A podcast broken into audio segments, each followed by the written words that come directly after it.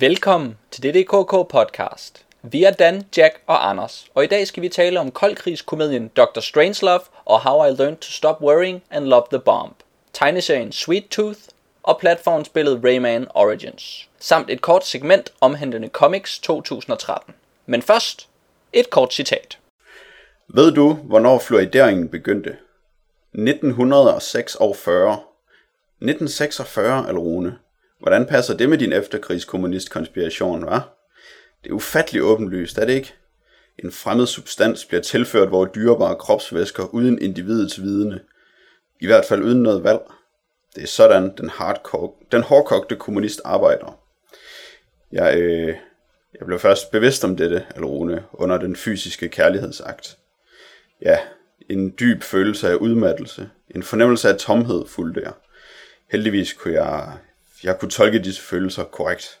Tab af essens. Jeg kan forsikre dig om, at det ikke er sket siden Alrune. Kvinder, kvinder mærker min kraft, og de søger livsessensen. Jeg, jeg undgår ikke kvinder, Alrune, men jeg, jeg nægter dem min essens.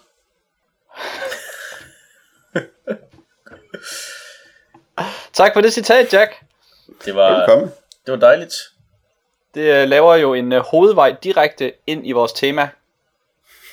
King Kong.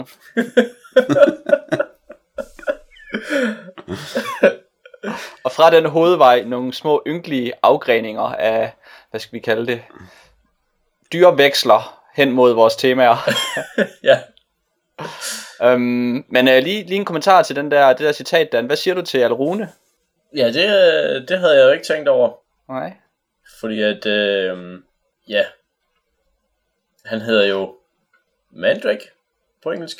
Ja. Og så var det en lille, en lille kvik, en lille kvik en for Jack der. Et slags over, et oversættervits. Ja.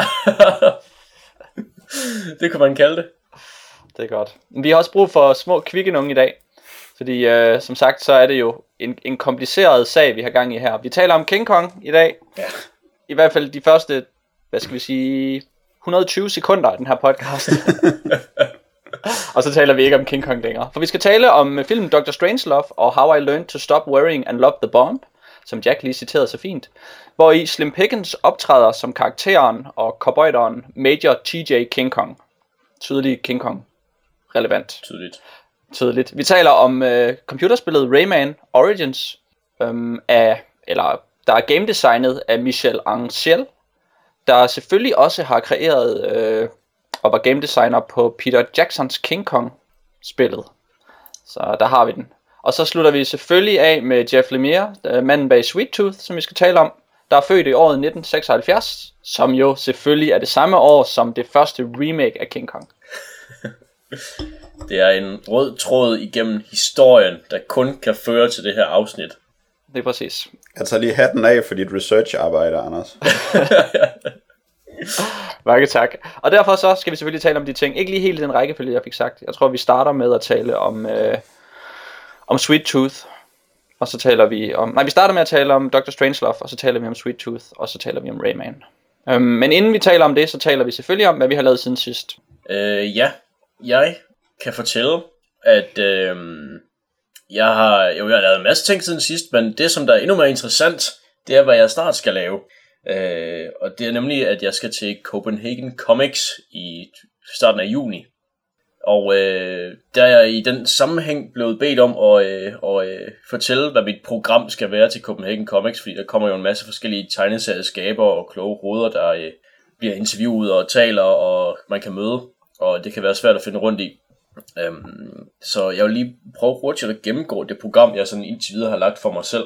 Så er det sådan en lille reklame for Copenhagen Comics? Det, øh, det er en lille reklame for, at, at jeg tager til Copenhagen Comics.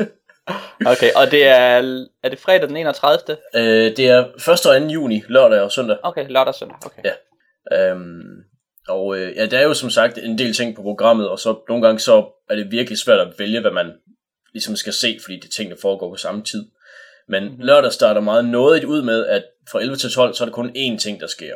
Øh, og det er en, øh, en tegneserietegner fra, øh, fra England, der hedder Fraser Irving, som øh, skal tale om superhelte. og han har blandt andet illustreret noget, øh, nogle af Grant Morrisons historier og, og den slags, så øhm, det bliver... Han har også illustreret Necronauts i 2000 AD, som er skrevet af Gordon Rennie, og som nærmest fungerer som et forstudium til Kabbalistics Incorporated, som vi har talt om tidligere. Ja, nej, okay, det er godt. Øhm, og det, det bliver interessant af, af to grunde, tror jeg.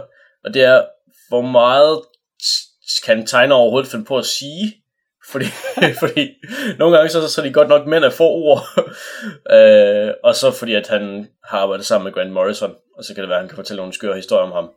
Siger du, at tegner bare sidder derhjemme og ryger sig skæve, Dan? altså, altså, det, du siger?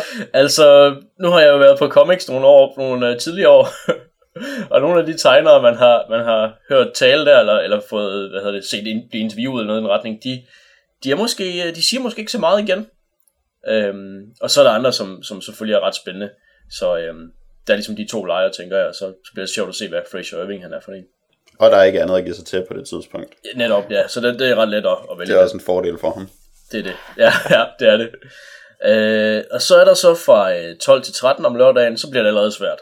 Fordi der er øh, et interview med, med Charlie Adlert, ham der tegner øh, Walking Dead, og har gjort det øh, næsten siden starten.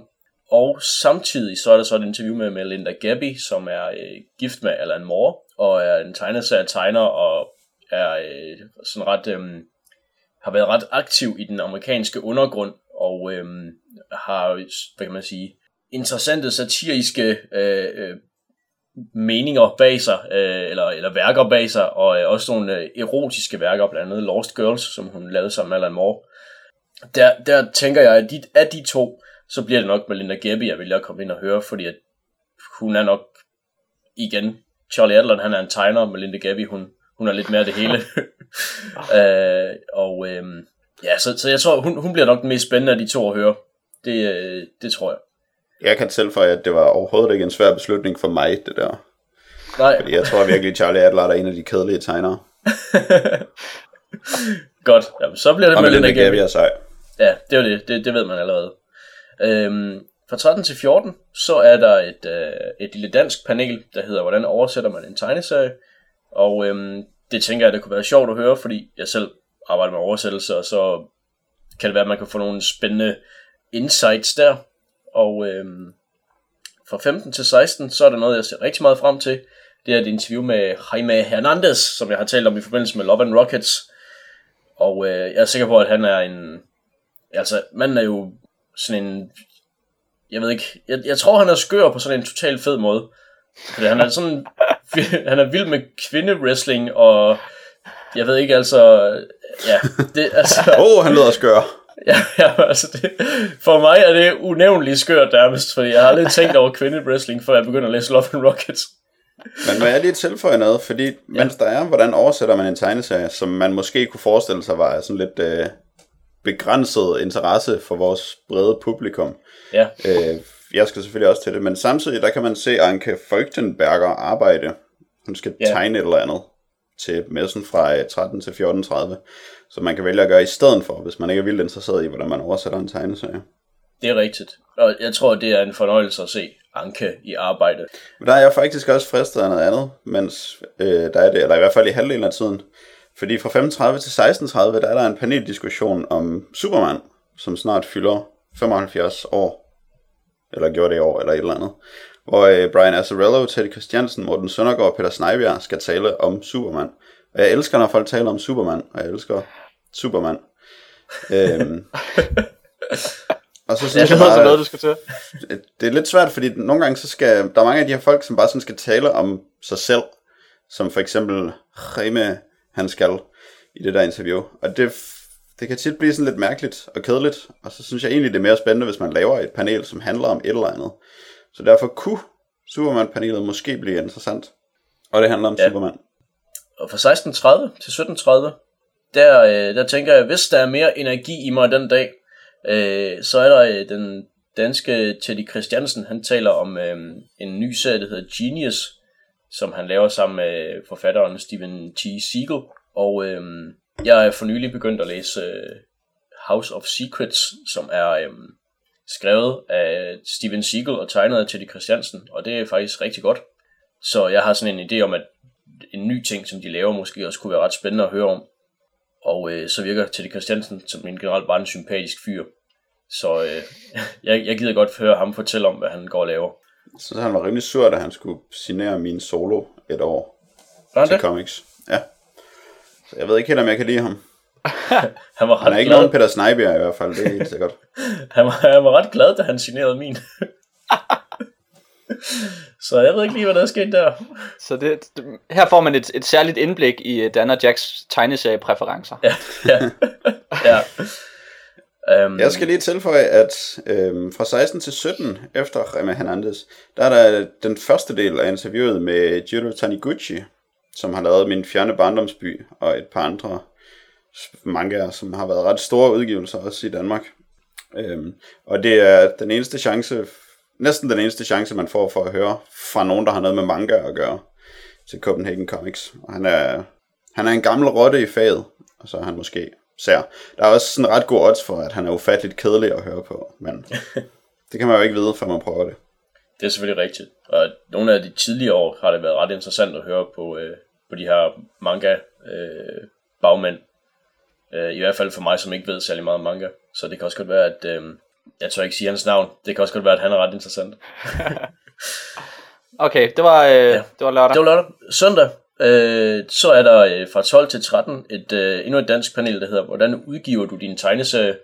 Øhm, og det er måske også ret øh, begrænset, hvor mange der kunne finde interesse i det, men det tænker jeg, at det, det kunne være sjovt at få et indblik i, i branchen og øh, den vej omkring, hvordan man øh, eventuelt kunne udgive en tegneserie i Danmark. Øh, så der forventer jeg en masse gamle rotter i forlagsbranchen, der sådan, det ved jeg ikke, der sidder og, og, og fortæller røverhistorier nærmest. Ja, det er bare så let i dag. Bare gør det. Ja, ja. Mens de sidder og hører jazz eller et eller andet. Um, fra 13 til 14, så er der et, uh, sådan, en, sådan et panel om horror, som jeg tror, der har undertitlen verdens bedste genre eller sådan noget. Uh, det, det, Eller sådan noget. ja, um, og det, det ved jeg ikke, altså der forventer jeg bare, at der er nogle, øh, nogle entusiastiske folk, der taler om horror.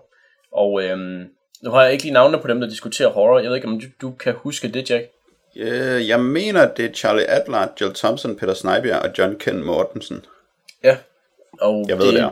Ja, godt. Øh, og det, det, det ved jeg ikke, det tror jeg, hvis man kan lide horror, så tror jeg måske, det er meget sjovt at sidde og, og høre på dem. Jeg tror ikke på det. Du tror ikke på det? Jeg tror simpelthen ikke på det der panel. Nej. øhm, det, det, det kendskab, jeg har til de der folk, så, er det ikke, så virker det ikke, som om de har noget særligt interessant at sige om horror.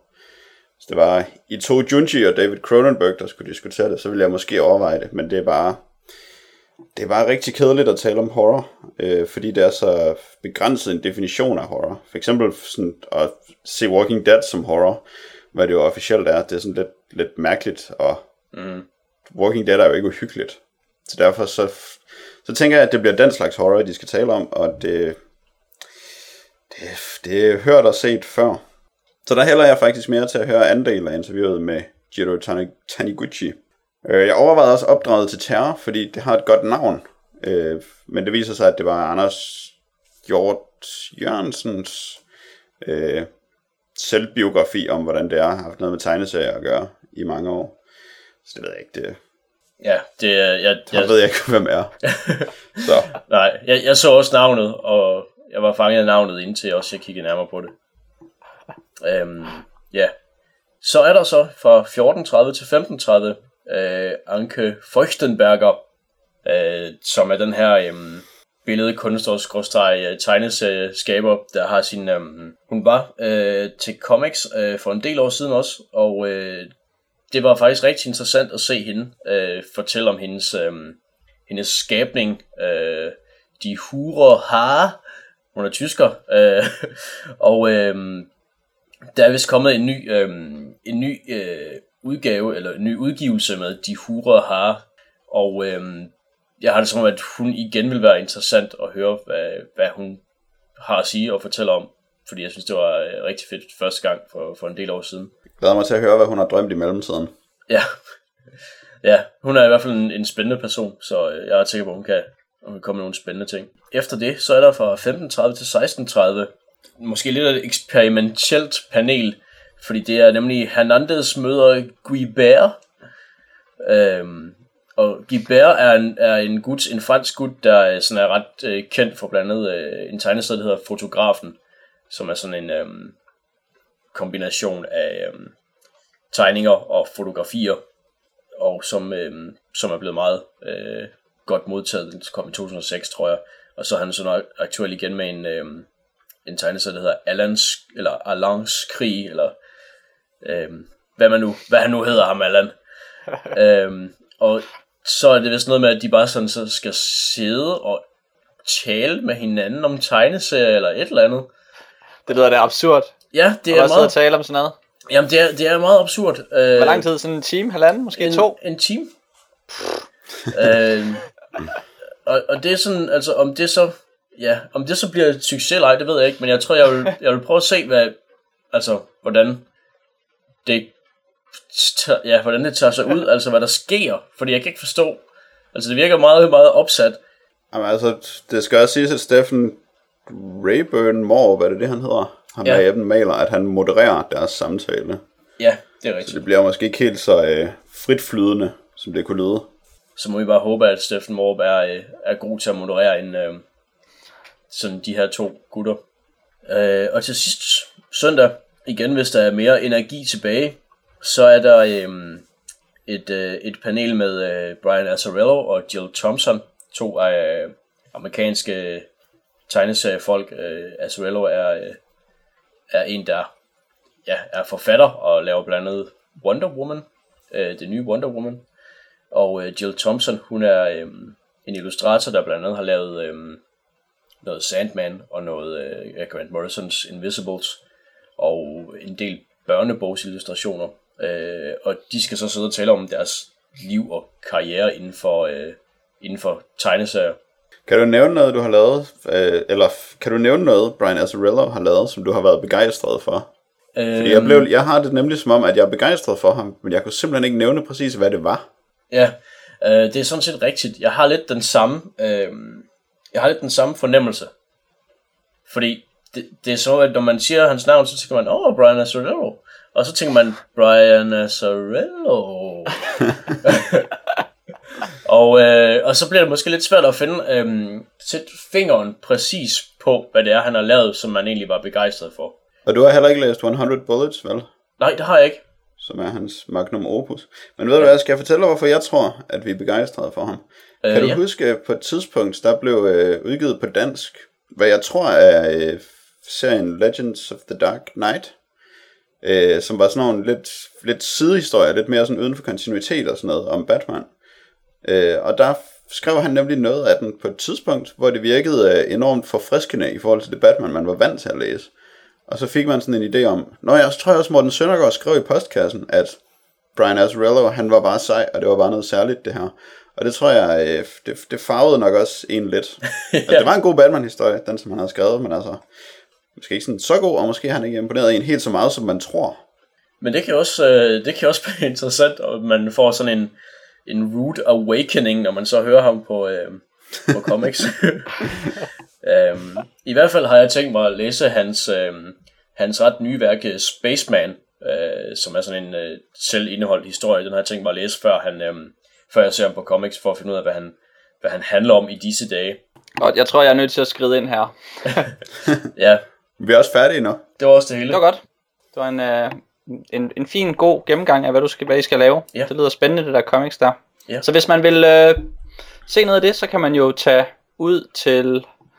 Er det ude ved Kødbyen eller sådan noget? Øhm, øksnehallerne. Øks, Øksenhallerne er det derude af. Øh, og det er så her om... Ja, den her podcast udkommer den 22. Så det er jo så... Det er der jo god tid til. Folk har god tid. Ja, så bare, Tag det bare roligt. slap af. Tag, tag det roligt. I har allerede programmet, og så skal I bare gå derud. Ja. Yes. Godt. Øh, Jack, hvad har du lavet? Øh, Jeg har læst Hans Kirks Fiskerne.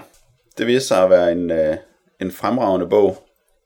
Den er fra 1928 og handler om nogle Vesterhavsfiskere, som er indremissionske, som flytter øh, længere ind i Limfjorden til en lille by, hvor folk er noget mere grundvigianske. Og det er en udskik til de øh, grupper sovnerådet og det meste af byen. Og så øh, prøver de ellers bare at leve deres liv med Gud og fiskeri og andre fortrædeligheder. øh, den er utroligt fremragende. Den er, øh, den er både rørende og morsom, og så er jeg jo helt vild med, med baggrunden for den. Det er jo mine egne aner, den handler om. Oh. Øh, der er snart ikke dem i min familie, der ikke lige kan huske nogen, de kender, som måske faktisk godt kunne have været nogle af de der fiskere. øhm, så det kan jeg også utrolig godt lide, faktisk, at det, er, at det er så let genkendeligt for mig. Det gør nok også, at den virker bedre, måske. Jeg ved ikke, hvis mm. man er født og opvokset et meget let indre missionssted, så har den måske ikke helt det samme impact. Men øh, jeg vil våge at påstå, at Hans Kirk er virkelig god til at beskrive mennesker, og til egentlig ikke at gøre så meget nar af de her fiskere, som han kunne gøre, fordi det er ret tydeligt, at han ikke er specielt enig med deres overbevisning, men mm. øh, de fremstår som øh, hele og rørende mennesker, også selvom de er, de er rimelig anderledes for mig selv også. Så blev jeg medrevet af mange af deres historier. Og så er der øh, virkelig meget humor i det, især i øh, behandlingen af sex, fordi alle fiskerne går konstant rundt og tænker ikke på sex, og det er, øh, det er meget påfaldende, og meget, en meget morsom kommentar. Er det den, der også blev filmatiseret? Ja, med, ej, nu har jeg glemt, hvad han hedder. Ham der, øh, sangeren, Otto Brandenburg, mm. som Laust Sand, tror jeg nok. Yes. Og tænk, at den pæne mand, han kunne øh, spille så fæl en rolle. Ja. Og han forgriber sig på Adolfine, som han jo står i fars sted for. det lyder bare vildt godt, altså. det er vildt godt, og det er, det er virkelig dejligt velskrevet og lynhurtigt læst, fordi det bare er så underholdende og godt. Men jeg tror, ja, den er filmatiseret, men er der ikke også lavet en tv-serie over den? Eller er det det samme? Jeg har aldrig set noget af det, men jeg har, det har jo eksisteret i periferien af min bevidsthed. Jamen, jeg har det som om, der er sådan en klump af fiskerne. Ja. sådan en medieting. En fiskeklump. Ja. En kugle af en slag. Ej, det kan jeg ikke huske. Jeg har det som, der er en horrorfilm, der hedder det, ikke? det ved jeg godt nok ikke. Nå. Okay. Nå, det kan jeg ikke hjælpe dig med, Jack. Nej, den er god. Læs den. Godt. Jeg har spillet et uh, computerspil, der hedder FES, som, uh, altså F-A-Z, som i hovedbeklædningen. Um, og det er et uh, computerspil, som de fleste kender uh, gennem en film, som udkom for cirka halvandet to år siden, um, der hedder Indie Game The Movie, som handler om flere forskellige indie-producenter, altså independent uh, computerspilsproducenter, som der uh, går i gang med at, eller som der bliver portrætteret på forskellige måder. Um, og her har vi så den her ene person, som er i gang med at lave et spil, der hedder Fess. Um, han hedder øh, faktisk Phil Fish, meget apropos. Um, og han bliver så portrætteret som, i hvert fald fra der hvor jeg stod, sad, øh, en meget øh, sådan arrogant idiot. Um, og, så, øh, og så handler det om, hvordan det her spil her, som han er i gang med at lave, det aldrig rigtig bliver færdigt, og det er så helt vildt lang tid. Og han går alt for meget op i detaljerne, og bliver uvenner med alle omkring sig, fordi at han ja, det ved jeg ikke, øh, fokuserer så meget på det her spil her, og, og lige pludselig kommer det til at betyde alt, øhm, øh, og så videre. Men nu er det her spil så endelig udkommet, og, øh, og så kan, kunne jeg så prøve at spille det, og det var sådan set meget skægt at prøve, øhm, fordi det er meget markant, hvordan der er gjort rigtig, rigtig meget ud af detaljerne i det her spil, øh, og det er meget imponerende, at en eller få personer øhm, har lavet sådan så, øh, så grundigt et spil, vil jeg sige. Og så, øh, så lækkert et spil, både sådan på lyd og på sådan måden, det, det ser ud og fornemmes, og i sådan, ja, små detaljer og historiefortælling og så videre. Men så fejler det selvfølgelig lidt som, som, som et computerspil. Det er lidt svært at beskrive, hvad, hvad det, er, det handler om, men det har en meget, meget uh, gimmicky øhm, sammensætning. Altså det er et computerspil, som som udgangspunkt er et 2D-platformspil, hvor man skal hoppe rundt, for, man skal typisk prøve at hoppe op af en eller anden, uh, altså på nogle platforme for at komme højere op af et eller andet, en eller anden bane for at samle nogle, nogle gule kasser. Og det er sådan set det hele spillet handler om.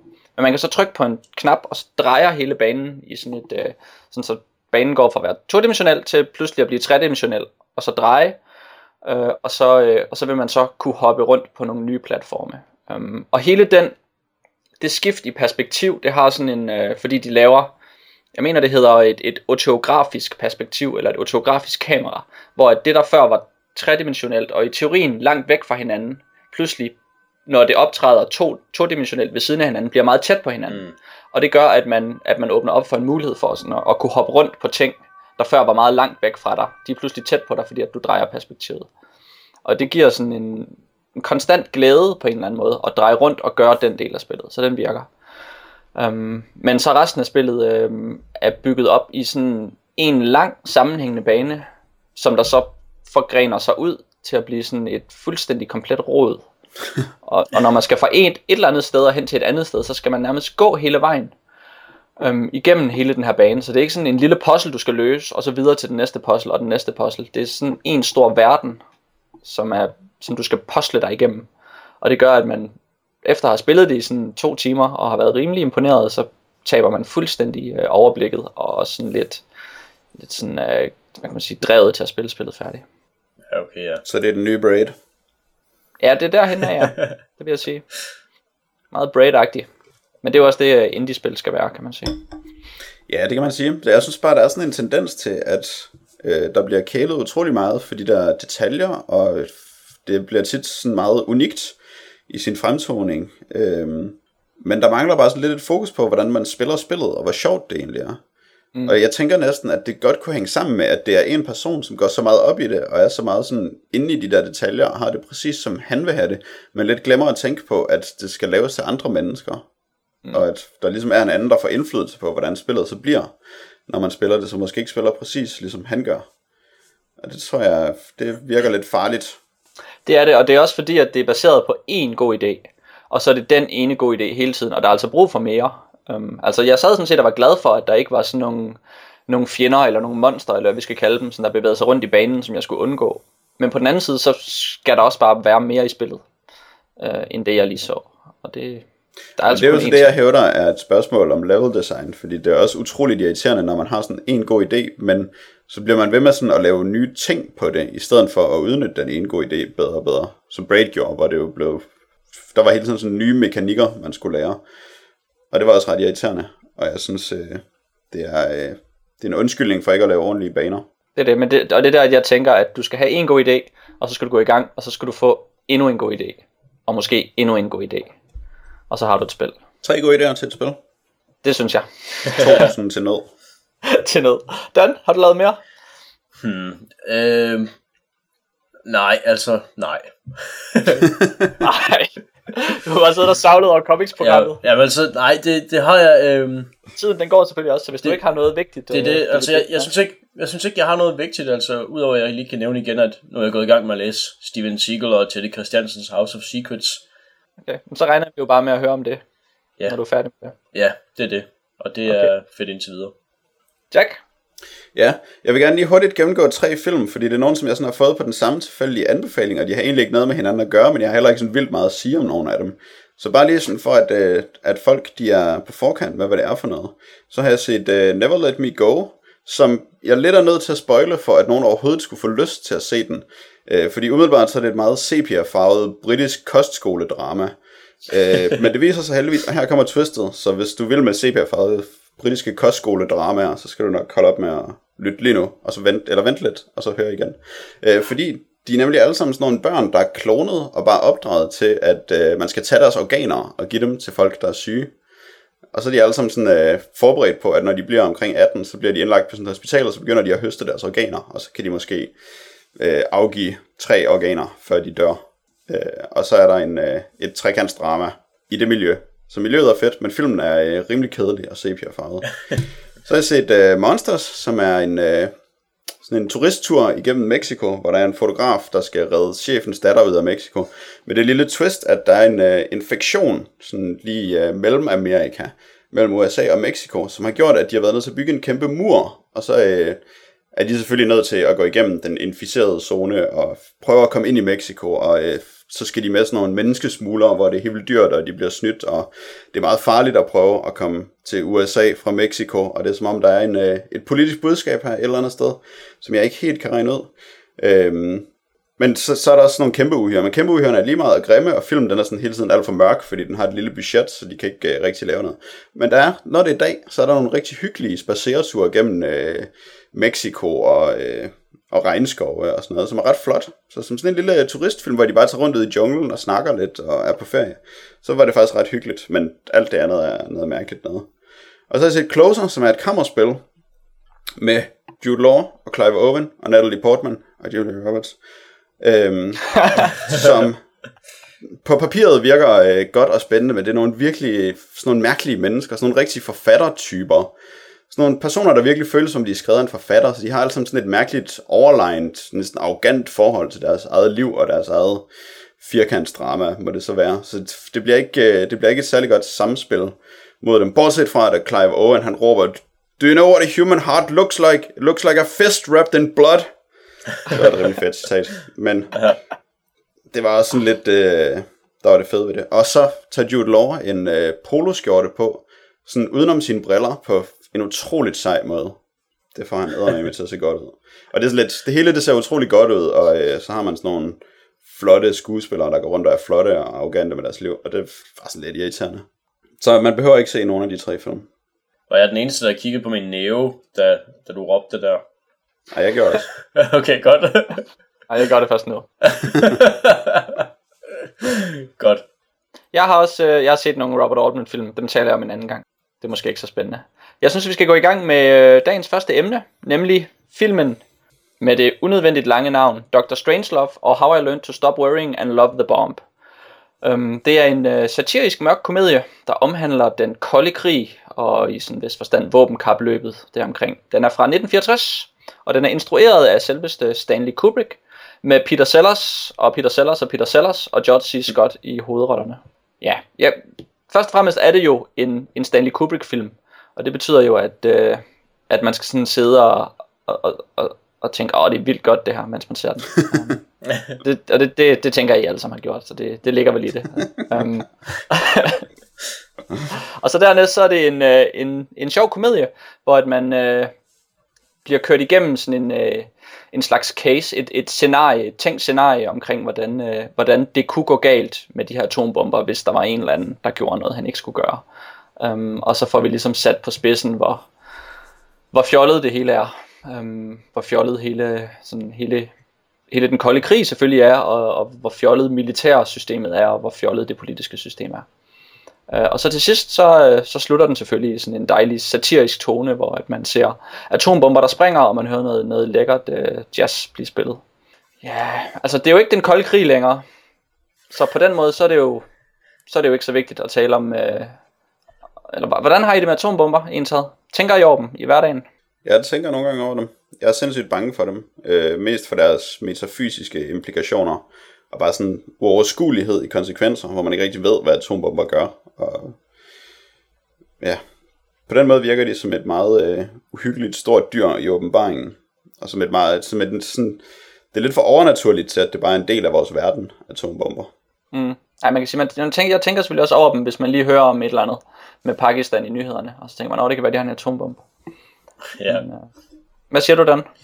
Øhm, jo, altså, de er jo et eller andet ultimativt våben på en eller anden måde. Og der er jo nok i verden til at ødelægge den sådan noget som 216 gange eller et eller andet. Så mm. der kan man godt, man kan godt blive overvældet af atombomber en gang imellem. Men jeg tænker ikke så meget i praktiske termer. Jeg tænker ikke så meget på atombomber, når Pakistan eller Nordkorea for eksempel har missiler af atombomber.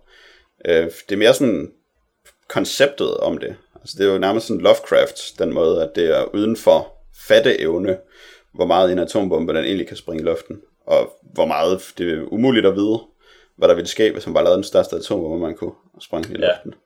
Mm. Så på den måde, så er det faktisk rigtig godt stof til den her type film. Ja. Ja, atombomber er, men jeg ved ikke, altså jeg synes ikke, den, det atombombemæssige i den her film ramte mig ikke så hårdt. Og den har jo netop i den der slutsekvens, der har den det der sådan god musik, og så kan man sådan sidde og nyde atombomber æstetisk. Så det var meget clever i forhold til at lære at elske bomben. Men jeg synes ikke, at atombomber var så vigtigt for filmen egentlig. Nej, Jamen, det, det er sådan set rigtigt nok. Altså, det, var, jeg, det er lige før, jeg vil sige, at øh, det er samme øh, hvad hedder det, øh, opskrift som en god zombiefilm. At der er, hvad hedder det, backdrop, der er zombier, eller i det her tilfælde atomkrig.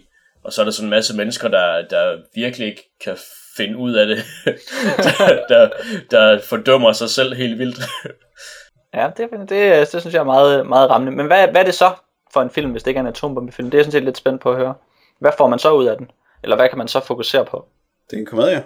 Ja, det kan du jo ikke lide, Jack. Nej, men jeg vil godt lide den her. Jeg, jeg tror, måske kan jeg godt lide komedier nu om dagen. Ja. Jeg synes, ja. jeg har set sådan en del sjove ting, som jeg synes har været sjove på det sidste.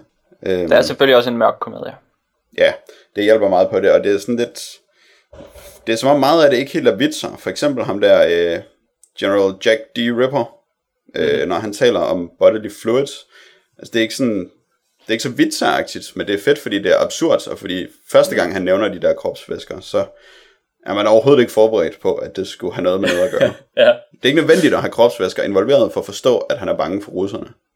Første gang han bestiller en, uh, en cocktail, og han siger, jeg skal bare have grain whisky with rainwater, Ja. så troede jeg, det var sådan en smart måde at bestille en eller anden uh, whisky soda på, eller sådan noget. Men han er faktisk bogstavelig, han vil have regnvand. ja, det er ret specielt. ja. Så den slags ting er sjove. Øh, og der kommer så selvfølgelig også til sidst i filmen en utrolig sjov scene med Peter Sellers. Ja, altså det er jo meget øh, drevet af karakterskuespil, hele den her film. Um, og det er nogle meget alternative metoder, som Kubrick har haft til sine skuespillere, i den måde, som han har castet dem og, og behandlet dem på i, øh, i alle de forskellige situationer, hvor de enten skulle forberedes til at optage eller under optagelserne. Blandt andet så, mest markant, så har vi jo Peter Sellers i tre forskellige af filmens roller, øhm, som jo altså er noget, er noget specielt og noget, som på et eller andet måde gør et eller andet ved, ved filmen, synes jeg. Gør, at altså i forvejen så tager den jo lidt afstand fra hele fra, fra seriøsiteten eller den, den rammer knap så hårdt øhm, og det giver lidt mere at man at man har en karakter der optræder i to i to af rollerne eller i hvert fald eller i tre af rollerne men nu siger jeg to af rollerne fordi at jeg faktisk ikke helt genkendte ham som øh, som præsidenten øhm, i, i, indtil før efter jeg havde set filmen og, og kigget på det og tænkte hov det var sgu da ham der spillede præsidenten hvilket var rimelig godt klaret af Peter Sellers Altså jeg genkender ham ikke som nogen af dem. Og selv nu, når jeg genser klip fra filmen, så har jeg virkelig svært ved at se, at det er den samme. Han er, han er godt staset ud, altså, det er han. ja og en utrolig dygtig skuespiller Ja, og selvfølgelig også det. Det hjælper på det. Men min pointe i forhold til, hvad filmen var, det som øh, jeg lige glemte, det var sådan set det der med, at det er et koldkrigsdrama. At øh, vi, vi har ligesom alle sammen forstået, hvor latterlig den kolde krig er. Så det er ikke sådan, den, det, det budskab er ikke særlig relevant for os, øh, som de øh, livstrætte og medievandte smart røve, vi er. Øh, Og derfor tror jeg, det er meget godt, at det er ikke så meget det, der er fokus, men det er mere alle de skøre personer, som den handler om. Det er sådan, ja, det er en personkomedie. Det er det, og der, øh, der er alle de her trick, som, som Kubrick han hiver op af skuffen. For eksempel, som du talte om med, øh, med øh, General George, nej, hvad hedder han, General Ripper? Jack D. Ripper. Jack D. Ripper, ja.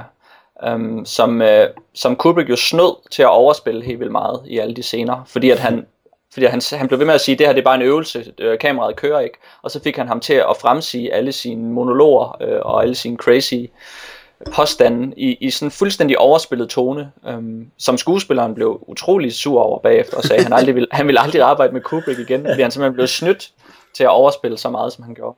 Um, og det er jo det er meget sjovt at se, fordi det virker jo sindssygt godt. Det er jo noget af det bedste i hele filmen. Det er de scener med ham. Ja, det synes jeg helt bestemt også. Det, øh, så, ja. så der, det, det var bare lige min måde at sige, at der var sådan en Kubricks vision i det hele, og at han var fantastisk. Men det er bare sjovt, fordi altså, jo, han overspiller, men han overspiller jo ikke nær så meget som øh, Bugsy Turgidson eller Dr. Strangelove gør. Jeg skal lige så sige, at det ikke ham, som der, øh, som der fik den behandling af Kubrick. Det ville Nej, det var, øh, det var Hayden. Sterling Hayden. Okay, IMDB siger dog noget andet. Jeg har, jeg har andre kilder. Okay, fair nok. Men det kan være, at han brugte den på flere af dem. Det kan også godt være. Ja. Men det er jo bare med, med hensyn til at overspille, så er det jo om nogen bok, der gør det, som Jack var ved at sige. Ja, han overspil, ja, eller jeg ser den begge to som, som overspil. Altså specielt der, hvor Sterling han, han, han fremsiger monologen om, om kropsvæsker. Ja, Altså, øh, Men det er ikke en særlig højrøstet overspillen. Så måske er det for øh, avanceret for mig til helt at se, hvor meget han overspiller. men øh, jeg, synes, jeg synes, det var meget interessant med ham her, General Ripper. Fordi jeg synes faktisk også, han var rimelig uhyggelig. mm, For han, han kunne levere øh, han kunne levere de der replikker og sine, sine overbevisninger, så øhm, han, han troede rigtig meget på det, han sagde, og det var meget af det, han, der var sådan, øhm, hvad hedder det, der bare lå i, at selvfølgelig var det sådan. Øh, og den måde, han ligesom presser ham her, øh, Peter Sellers' øh, britiske kaptajnrolle, til bare at, at, at gøre ting og sådan noget, fordi selvfølgelig er det sådan, og nu har jeg bare låst alle dørene, så nu kan du ikke komme ud af mit kontor, så selvfølgelig skal du hjælpe mig med at affyre den her, det her kæmpe store maskingevær og sådan noget. Det var, øhm, der, der var han, altså, jo, altså, det var, det var også sjovt på sin vis, men jeg synes også, han var ret uhyggelig faktisk. okay, så du var, med, du var ramt af noget af, af seriøsiteten i filmen. Øh, ja, det tror jeg, ja. Men der går måske også et stykke tid, før at man, at man forstår, at det ikke er et drama, men at det er en komedie. Muligvis, ja.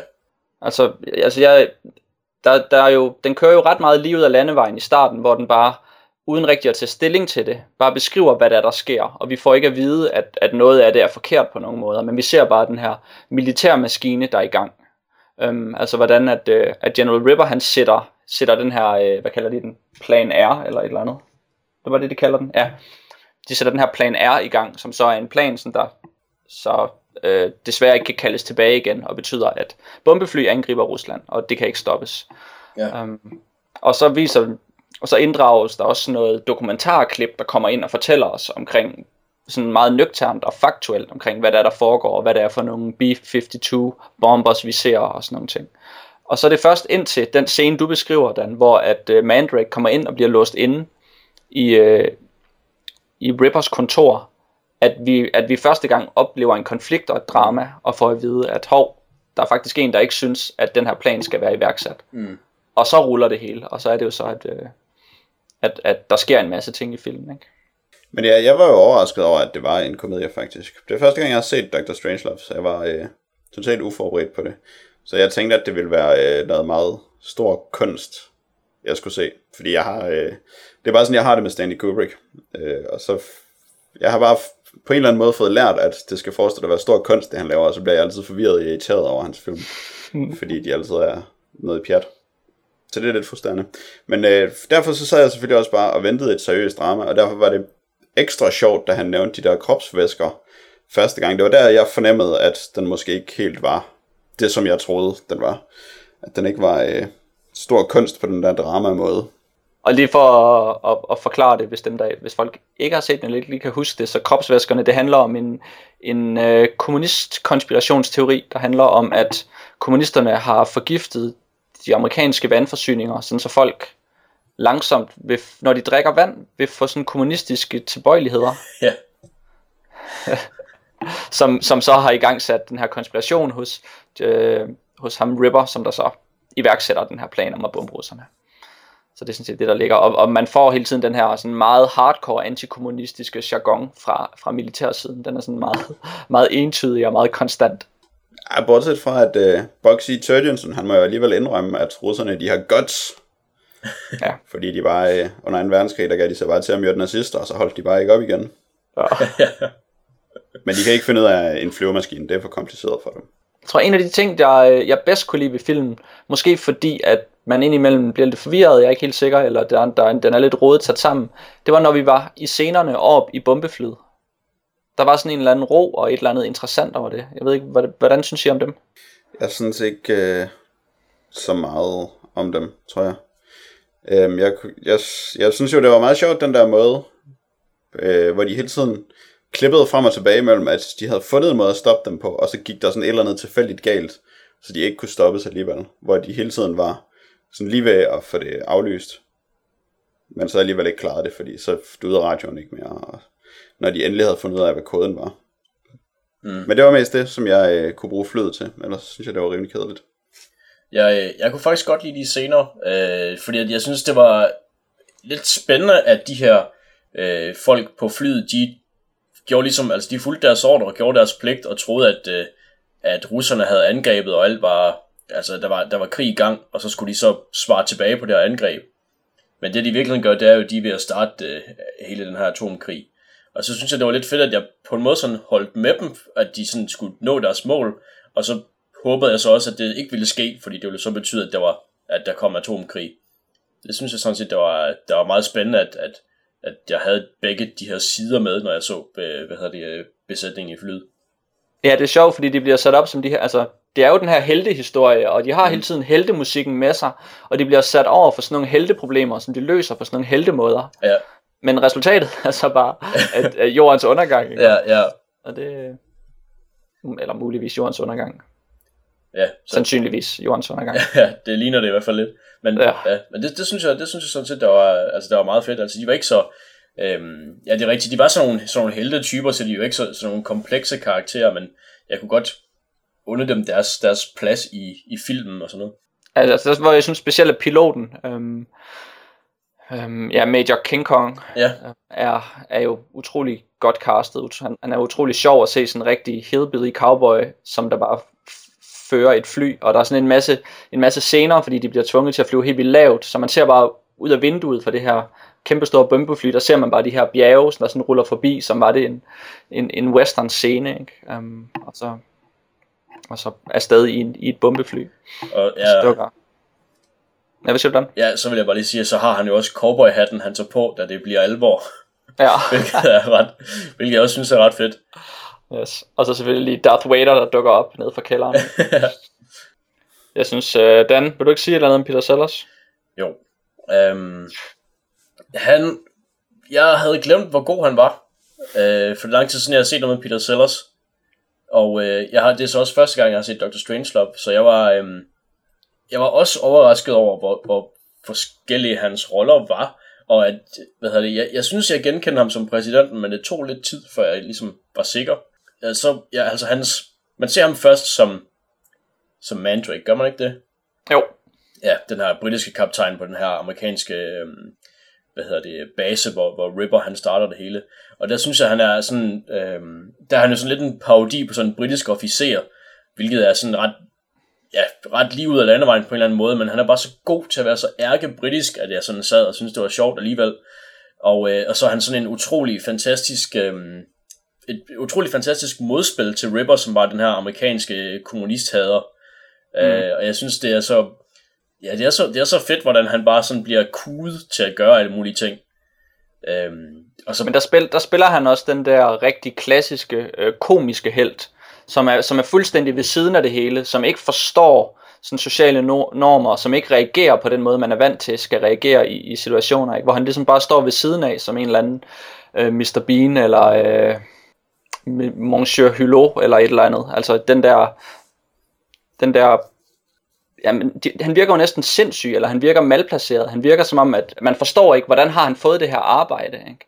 Altså, hvordan besidder han den her rolle, fordi at han er så, øh, han er så paf, og han er så, altså det er jo ikke bare deadpan, det er sådan en, øh, at han står sådan og virker, som om han ikke lytter efter, og, og er sådan, han er lidt forkølet eller et eller andet, eller han er sådan lidt, lidt mærkelig i alle situationerne, og, og, og hvor man får sådan en mærkelig mistillid over for ham også, og ja. ja.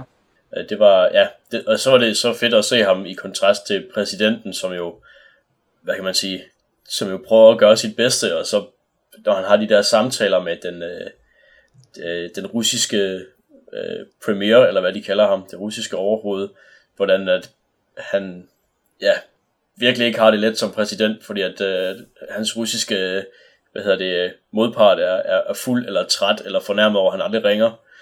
Øhm, og så og helt over til, til den sidste, eller hvad kan man sige, den tredje rolle, han spiller, som så er Dr. Strangelove, som jo kommer ret sent ind, øhm, og som, som, som jo, altså jeg var uforberedt på, hvor utrolig sjov han var med så, så lidt, som han gjorde. Bare hans fuldstændig forfærdelige tyske accent, der var med det samme, han åbner munden, så, så er det sådan lige før, det, altså jeg sådan bobler over af latter, fordi jeg ved bare, hvor, hvor potentielt sjovt det er at sige noget med den her accent, altså. øh, det, det, var, ja, det var godt nok, det var godt nok sjovt. Jeg, jeg var helt fjuttet med ham.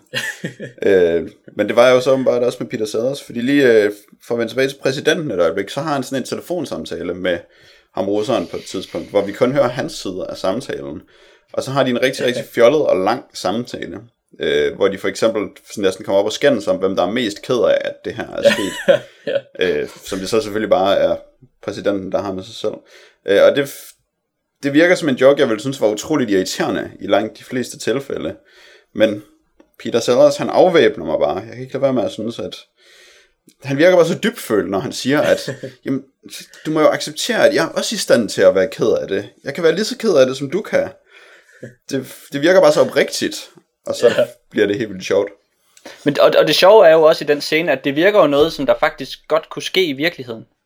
Altså hvis du står som, som en, en, en stor en toppolitiker, og, og så først så taler du til, dit, til, din, øh, til dine embedsmænd, og du står og taler i en meget, meget autoritær tone, og så ringer du op til en anden statsleder, og så er I ligesom, sådan på lige, på lige fod med hinanden, og det viser sig, at den anden statsleder er helt vildt fuld. Ja. Så, så, så du skal tale til ham, som om han var et lille barn, Ja. og, og du skal ikke rigtig hisse ham op, og så skal du også på en eller anden måde få snedet ind, at du er ved at bombe dem. ja. Så, så han er jo en meget, meget sådan, altså det er svært, at- altså hvis du selv stod med telefonen i hånden og skulle gøre det, altså hvordan skulle man helt præcis gribe det an? ja. Ikke? Så, så på den måde er det jo en rigtig god scene til at lave noget komik ud af, fordi at den er så, øh, altså den er så overraskende, og den er så speciel, ikke? Ja. Og så laver han, og så begynder han at tale som om, sådan lidt som om, at de, altså som om det var to børn, der talte med hinanden næsten, ikke? Mm-hmm. ja. Og det, det virker ekstremt godt. Og han er i sådan en skør rolle, fordi han, han har gjort noget virkelig dumt. Eller han er ansvarlig for noget virkelig dumt i hvert fald. Så man skal fortælle en, han er på lige fod med, men han skal sams- så han er nødt til at være lidt underdanig i forhold til det. Men samtidig så skal han være autoritær og præsidentagtig over for alle dem, der sidder rundt omkring og kigger på ham og lytter med til Ja. ja. samtalen.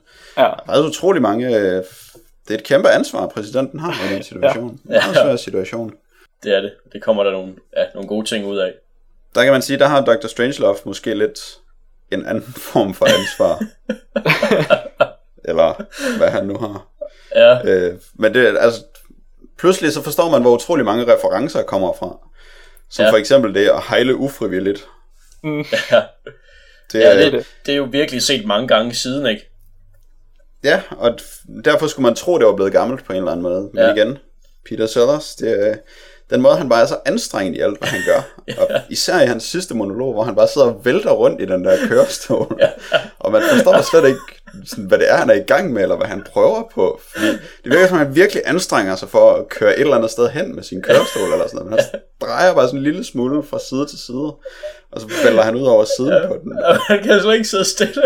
Han kan overhovedet ikke sidde Det stille. er virkelig sjovt, sådan den lille bitte smule, han bare sidder og, og, og, og fedter rundt på stolen, hvordan at, at det var sådan, ja, det var sådan ødelægger nærmest, hvad det er, han prøver at sige, fordi han bare, man er helt optaget af, at han bare sådan sidder og vælter rundt i den der kørestol, og hvad, hvad, hvad pokker det er, han prøver på at lave, eller prøver på at undgå, altså, Ja, det er jo ikke bare fysisk, han er vildt anstrengt. Han har også det der ja, syge smil, som ser vildt ja. anstrengende ud, og så taler han på den der måde, og det virkelig virker som om, at det er sådan en kæmpe oplevelse for ham at sige alle ordene, og han virkelig Ja. er drevet af en stærk passion for at foreslå de her ting. Så det hele, det er bare så anstrengende og energisk, så ja. man kan ikke lade være med at lade sig rive med. er det, Og det så virkelig- har han de der sindssyge non sequiturs, hvor han pludselig bare siger noget, der overhovedet ikke har noget med noget af det andet at gøre. Og det, og det er på den der måde, hvor at igen, altså det er jo øh, absurditeten i det hele, som vi hele tiden skal, skal få at vide igennem den her film, ikke? Absurditeten af våbenkapløbet. Ja. Og så absurditeten af at have en, en, øh, en videnskabsmand, som der skal designe dommedagsmaskiner, men han kan ikke engang styre sin ene arm. vel? Altså, hvad fanden kan det ikke resultere i? Ja, ja, det er virkelig, det er virkelig rigtigt. At han er autoriteten inden for dommedagsmaskiner. Ja. Det er, ikke, det, det er igen bare absurd, mere absurd på, ikke? Jamen virkelig, og det, og det jamen altså han, hvad hedder det, han, så vidt jeg kan forstå, så er der meget af det, som øh, Peter Sellers bare sådan selv øh, leverer, altså der ikke er, er skrevet ned som replikker. Øhm, og det, jeg synes, det er, det er simpelthen utrolig sjovt, den, den komiske timing, han har. Fordi det er på sådan et tidspunkt, hvor, hvor præsidenten så spørger om, det hvor, hvor de taler om at overleve i, i miner under jorden, hvis det hele det går, øh, det går helt til hundene. Og hvor, hvor Strangelove han så siger, It would not be difficult, mein Führer. øh, og, og, så, hvad det, og så begynder han så den næste sætning, og så undskylder han så for, at han har kaldt præsidenten øh, mein Führer sådan midt i næste sætning, så det kommer bare alt for sent. Og det, det, altså det var virkelig sjovt, fordi det er sådan, lige før man ikke opdager, at han bare kalder ham mein Führer, fordi det bare er så naturligt for Dr. Strangelove at gøre, at man bare accepterer det. Og så bliver det så påpeget, at, ja, at han har lige, altså, han har lige sådan lagt alle sine kort på bordet på en eller anden måde, ikke? Så. Men nu siger du, at øh, meget af det er improviseret, det kan du sagtens spille mig ind, men den der slutningen på hans monolog, hvor han råber, Mein Führer, I have a plan, I can walk, og så rejser han sig op. Det er, hvad er det for en plan? Hvad er det noget som helst at gøre det der? Jeg forstår overhovedet ikke, hvor det kom fra. Og det gjorde det ufatteligt sjovt, men er der en historie om den replik? Altså sagen, sagen er jo, at der er jo en, en alternativ slutning, hvor de skal, det hele skal bryde ud i en kagekamp. Ja, Og jeg ved ikke, om det skulle være bundet sammen med den der scene.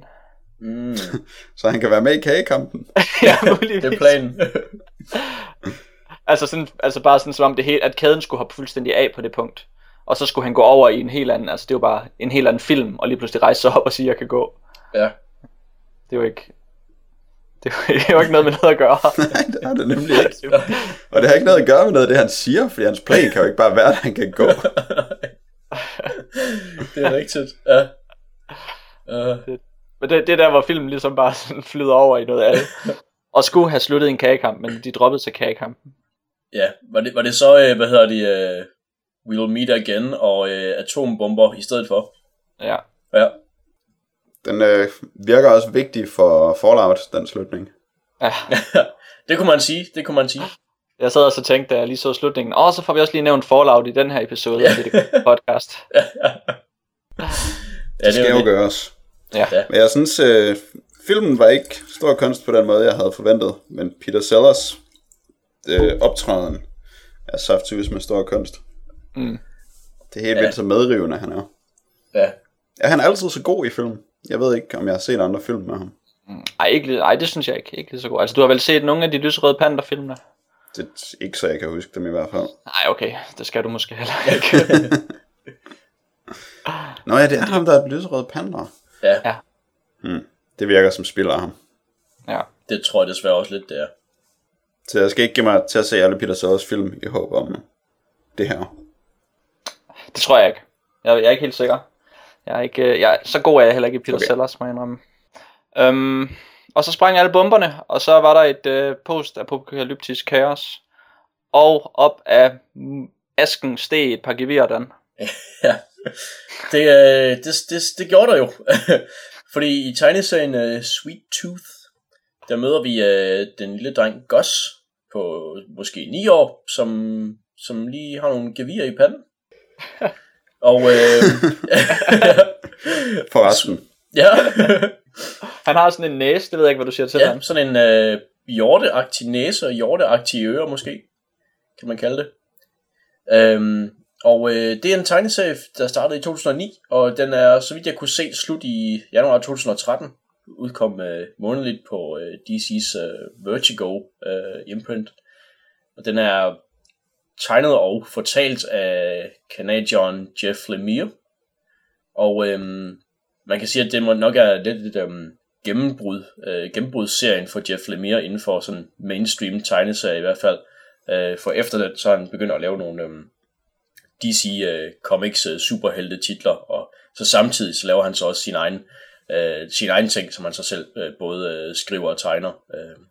I, øh, ja, som sagt, i Sweet Tooth, så har vi, så har vi Gus, og øh, Gus han har boet i en hytte hele sit liv ude i en skov øh, med sin far, og øh, hans mor, hun er begravet i nærheden, og hun er, hun er oppe i himlen, siger faren, og øh, det er også meget vigtigt for faren, at øh, Gus og ham skal bede hele tiden, fordi de er så syndige, og øh, så hvis de er heldige, så kommer de i himlen, hvor de fleste af, øh, af menneskerne på jorden er kommet hen, åbenbart. Og øh, Gus får også at vide af sin far, at verden er så, så syndig generelt, og øh, man skal ikke, øh, man skal ikke gå uden for skoven, som, som Gus aldrig har været udenfor. Øh, hvis man gør det, så, øh, så går der ild i en. Faren han bliver så syg og dør, og øh, så bliver Gus øh, alene i forholdsvis kort tid, for der kommer to bevæbnede bundeknolde, som, øh, som så vil, øh, som taler om at sælge Gus, fordi han er så åbenbart en, en af de der dyre børn. Og øh, hurtigt efter det, så bliver øh, Gus, øh, hvad kan man sige, reddet af sådan en stor øh, faretruende fyr ved navn Jeopard, øh, der øh, fortæller ham, at han kender et sted for sådan nogle dyrebørn, og han vil gerne tage ham derhen.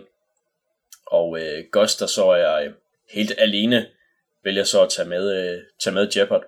Og der, ja, det er ligesom starten på historien. Øh, der er 40 numre i alt, så det er sådan en, en forholdsvis lang historie, så jeg vil ikke komme ind på alt, hvad der sker, men øhm, det er ligesom der, det starter. Og, øh, Jeg har også kun læst 10 numre. Ja, okay. Ja, som sagt, Jeff, han er, Jeff Lemire, han har øh, både tegnet og, og, skrevet den, og øh, så den så øh, farvelagt af en, en dygtig farvelægger, der hedder José Villarrubia, tror jeg nok. Nok den eneste farvelægger, vi nogensinde roser i den her podcast. Ja, måske ja. Måske den eneste, vi kender. Ham med vandfarverne. han, med, ham med vandfarverne, ja. Hvad, hvad gør det, at det er tegnet og, og fortalt af den samme? Kan man mærke det? Det synes jeg egentlig, man kan, nu hvor du spørger mig om det. Jeg havde faktisk ikke tænkt over, hvor meget det betød. Øh, først og fremmest så tænker jeg, at det får mig nok til at være lidt mere over med tegningerne, end jeg måske ellers ville have gjort. Mm. Fordi umiddelbart, så synes jeg, den er lidt, øh, måske en lille smule frastødende, den måde, den er tegnet på. Men på en eller anden måde, så passer det også godt ind. Måske fordi det er den samme mand, der laver det. Øh, og så vender man sig lidt til den, og så holder det op med at være så, så frastødende. Ja, den har sådan meget øh, sådan shaky streg, eller sådan Ja. uren, ulækker. Knidret. Ja. Ja. Så hvis man for eksempel skal tegne en eller anden, et eller andet rådent lig, så ligner det bare sådan alt muligt. det var min beskrivelse. Lige øjet. Der, Vi, vi skaber billeder, det er en podcast. ja. Jamen, der er sådan mange, mange øh, streger i hans stil. Mange unødvendige streger på en eller anden måde, eller mange brudte streger, der ligesom giver et øhm, ja, lidt hektisk billede. Men nogle gange er det også lidt som om, der er nogle nødvendige streger, der ikke er der. Ja, Jeg er ikke helt sikker på, at jeg er overbevist. Altså, det fungerer, men jeg ved ikke, om, om det ikke havde været bedre, hvis han kendte nogen, der kunne tegne. Men i hvert fald, altså, det, det er helt fint, og det fungerer udmærket som en enhed, synes jeg. Mm. Historien bliver øh, fortalt ganske fortrinligt. Men er historien spændende? Så det er jo spørgsmålet. ja, det er jo det. Den er i hvert fald øh, højt ros, den her tegneserie, ikke? Det må man sige. Men altså, den har jo det, som alle bedst kan lide i hele verden. Gevir. Det er nummer to, Jack. Hvad er nummer et? Chokolade. Nej, okay, jo, det er nummer, okay. Chokolade. Shit, man. Men den har selvfølgelig en, øh, en post-apokalyptisk verden, Ja, det har den selvfølgelig. som folk sådan, som umiddelbart siger, også er det fedt. Ja. Og det dyrker den jo rigtig meget. Så hvad, hvad, hvad får du ud af det, Dan? Jamen altså, jeg synes, øhm, noget som jeg synes, der var fedt, det var, at man ikke vidste, den var post-apokalyptisk til at starte med. Øh, det havde jeg ikke øh, læst mig til, inden jeg begyndte at læse den. Og først så er han jo bare ude i den her lille hytte med sin far ude i en skov, og det kunne jo være alle mulige steder. Så det synes jeg, der var ret fedt, at jeg så fandt ud af, at når at verden var, var øh, havde ændret sig drastisk øh, for den, man selv kendte siden da. Øhm, og der, der blev jeg nok, øh, selvom det her postapokalyptiske kan være måske lidt for tærsket en gang imellem, så, så tror jeg, jeg blev lige overrasket, hov, at det var sådan, det var, og så, så var jeg så solgt der egentlig. Jeg har det efterhånden sådan, at hver gang jeg siger det i den her podcast, så har jeg det som om, at jeg er en plade, der er gået i hak. Ja, At det er jo bare ud over det hele, ikke? det er det Det virkelig, er, ja. det er så populær en ramme at putte sin historie Ja. ja. ind i. Det er det virkelig. Så jeg er lidt spændt på, hvad det egentlig gør, hvad det egentlig giver os. Altså, jeg tror også, jeg har ramt lidt noget øh, post-apokalyptisk fatigue efterhånden, fordi jeg synes virkelig ikke, det gjorde særlig meget for mig i Sweet Tooth. Det var det der øh, sammenbrud af værdierne og, øh, og frihed fra rammerne, det, det gjorde ikke rigtig noget i forhold til den her historie, og det gjorde det måske også lidt svært for alvor at, at brænde for, hvad det var, der skete for Gus og Jeopard. Fordi mm. det er næsten som om, at, øh, at det er normen, at der ikke er nogen normer for, hvordan folk de reagerer, når de møder hinanden. Mm. Men den er, også, den er også meget kontant med at vise, hvor ekstremt det her normskred har været. Ja. Altså så alle folk bare er blevet de vildeste galninge for de der syv år. altså på den der måde, hvor man slet ikke kan forstå, at folk de kan være så bims. Ja. Bare fordi, at der er nogen, der er syge og døde omkring dem. Så tager de alle mulige masker på og kører rundt i sådan nogle, ja, sådan nogle Mad Max motorcykler og råber og skriger og prøver at dræbe folk med kæder. Og, altså, Ja, der er, jo, der er jo selvfølgelig altså, sket noget ret vildt, som man måske ikke helt... Det er i hvert fald sket noget ret vildt på meget Ja. kort tid. Men det, det er kan man samtidig øh, heller ikke sådan særlig vildt, når, i forhold til at lave en postapokalyptisk verden. Det ville være lidt mere interessant, hvis der skete noget, noget uventet. Altså i stedet for bare at gå ud fra, at alle de bliver bare øh, sindssygt usympatiske. Bortset fra lige øh, de enkelte, som som regel er hovedpersonerne, som faktisk er ret flinke. Det vil være lidt... Det er ikke en særlig dynamisk postapokalypse, vi har med at gøre i de fleste tilfælde. Ja, det, det som jeg synes, der var øh, det, noget, det, det mere spændende ved det, det var, øh, eller ja, det, det er sjovt, fordi det er rigtig meget en, en kombination af historien og stilen på en eller anden måde, der gør, at jeg finder noget interessant i den. Så den måde, som Gus ser ud på, altså den her lille gevirdreng i skovmandsskjorte for eksempel, mm, det er et eller andet, der, der, der, der er et eller andet fængende ved det. Øh, der senere så møder man sådan en lille grisepige, og hun ser bare så mega stakkels ud, at det er også bare noget, der, det, det synes jeg også, der var virkelig, ja, spændende på en eller anden måde. Men det er jo også meget markant ved Gosses ansigtsudtryk. Altså han står jo altid med sådan uh, skuldrene hænger, og så har han sådan en eller anden, altså et sørgeligt ansigtsudtryk, og sådan nogle, nogle dogne øjne, ikke? Ja, Um, altså han er, han er ikke en, han, han har heller ikke rigtig nogle særlige egenskaber. Han kan godt lide chokolade. Ja. ja, Men jeg, øh, i forhold til gevir og tegnestilen, så den måde, som den er tegnet på, med, med det er sådan løst og øh, luftigt og ikke særlig håndgribeligt noget af det.